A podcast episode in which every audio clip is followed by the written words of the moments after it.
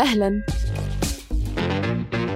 أنا بسنت سمهوت وحابة أرحب بيكم في الحلقة دي من المستجد جدا الفقرة المصغرة من بودكاست المستجد. بنقدم لكم فيها آخر الترندات والأخبار في كبسولة ملخصة جدا. خبر الأسبوع. يوم 5 أكتوبر اتقابل أعضاء منظمة الدول المصدرة للنفط وحلفائهم اللي هنسميهم أوبك بلس لبقية الحلقة. أوبك بلس اتقابلوا في فيينا في اجتماعهم ال 45 وقرروا يقللوا إنتاج النفط بمقدار 2 مليون برميل يومياً من أول نوفمبر. ثانية واحدة يا راني خلينا بس نفهم. هم مين دول؟ وإيه اللي بيحصل؟ وفيها إيه لو قللوا الإنتاج؟ وإزاي أصلاً يقدروا يقرروا حاجة زي دي؟ نسأل الأسئلة المهمة علشان نعرف إن هيبقى علينا إيه الباشمهندس ده. واحدة واحدة. أنا كمان أخدت وقت عبال ما استوعبت اللي حصل وبقدم لكم عصارة أبحاثي.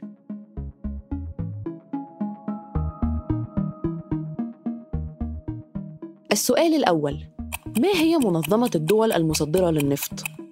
هي منظمة حكومية دولية دائمة أنشئت في مؤتمر بغداد في سبتمبر 1960 ومؤسسيها هم إيران، العراق، الكويت، المملكة العربية السعودية وفنزويلا. دلوقتي المنظمة دي فيها 13 عضو دائم وهم بينتجوا حوالي 30% من النفط الخام في العالم. في 2016 اتحدوا مع بلاد تانية مش من أعضاء المنظمة منتجين للنفط من ضمنهم روسيا وبقى اسمهم أوبك بلس. أوبك بلس هم 23 دولة بينتجوا 40% من النفط الخام في العالم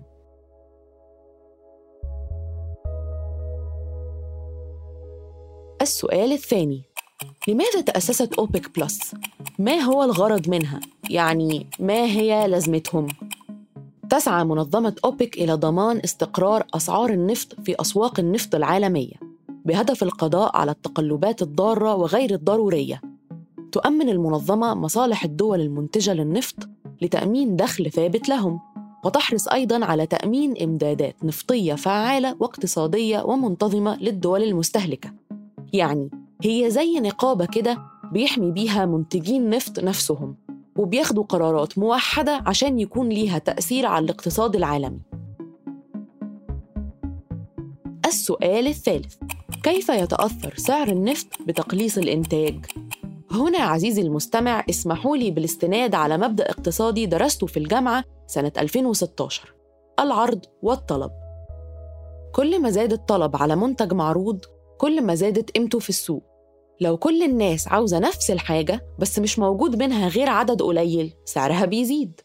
إنما لو هي متاحة في كل حتة في السوق سعرها بيقل. بالتالي تقليل الإنتاج هيقلل كمية النفط المتاحة في السوق فهيزود السعر. والسؤال الأخير كيف يؤثر هذا علينا؟ للنفط استخدامات عديدة نحتاجه لصناعة البترول والغاز والديزل تقريبا كل ما هو متعلق بوسائل النقل الحديثة لما يغلى سعر البنزين نقل أي حاجة هيكون أغلى فأي حاجة فيه في خطوات إنتاجها نقل سعرها هيزيد بتابع إنه سعر إنتاجها زاد لكن في الآخر الدول المنتجة للبترول مستفيدة من زيادة الأسعار وعشان كده أخدوا القرار طيب هم أخدوا القرار ده على أساس إيه؟ هم براحتهم كده ملهمش أي رادع؟ مع بداية حرب روسيا وأوكرانيا في فبراير 2022 سعر النفط زاد لكن من ساعتها وهو بيقل شوية شوية والسوق بيتأقلم لحد ما سعره قل في سبتمبر وبقى البرميل بأقل من 90 دولار أعضاء أوبك بلس قلقانين إنه الطلب على منتجهم يقل بسبب وضع الاقتصاد العالمي. والحركة دي بتضمن إنه الأرباح تفضل زي ما هي عشان تساهم في بناء اقتصادهم. وطبعا ده له تأثير كمان على الاقتصاد العالمي مع غلا الأسعار وكذا دولة منهم أمريكا أبدوا اعتراضهم على القرار. في ملابسات اقتصادية وسياسية كتير ورا القرار يطول شرحها والنقاش فيها. مثلا في دول بتعتمد في شتاها القارس على الغاز للتدفئة. هتعمل إيه؟ زي بريطانيا وشمال وغرب أوروبا. وإحنا في المنطقة العربية داخلين على الشتاء اللي بيزيد قساوة كل سنة بسبب التغير المناخي. على الأقل دلوقتي فاهمين أساسيات الموضوع. لكن بحسب توقعاتكم هيحصل إيه؟ كنت معاكم من الإعداد والتقديم بسنت سمهوت. من التحرير عمر فارس ومن الهندسة الصوتية يزن قواس. ما تنسوش تتابعونا على المستجد جدا كل أربع عشان تعرفوا إيه الجديد من الترندات. أما المستجد العادي هيكون معاكم يوم الحد وهنحكي لكم فيه عن المخرج الفرنسي القدير جون لوك جودار. بودكاست المستجد جدا من إنتاج صوت.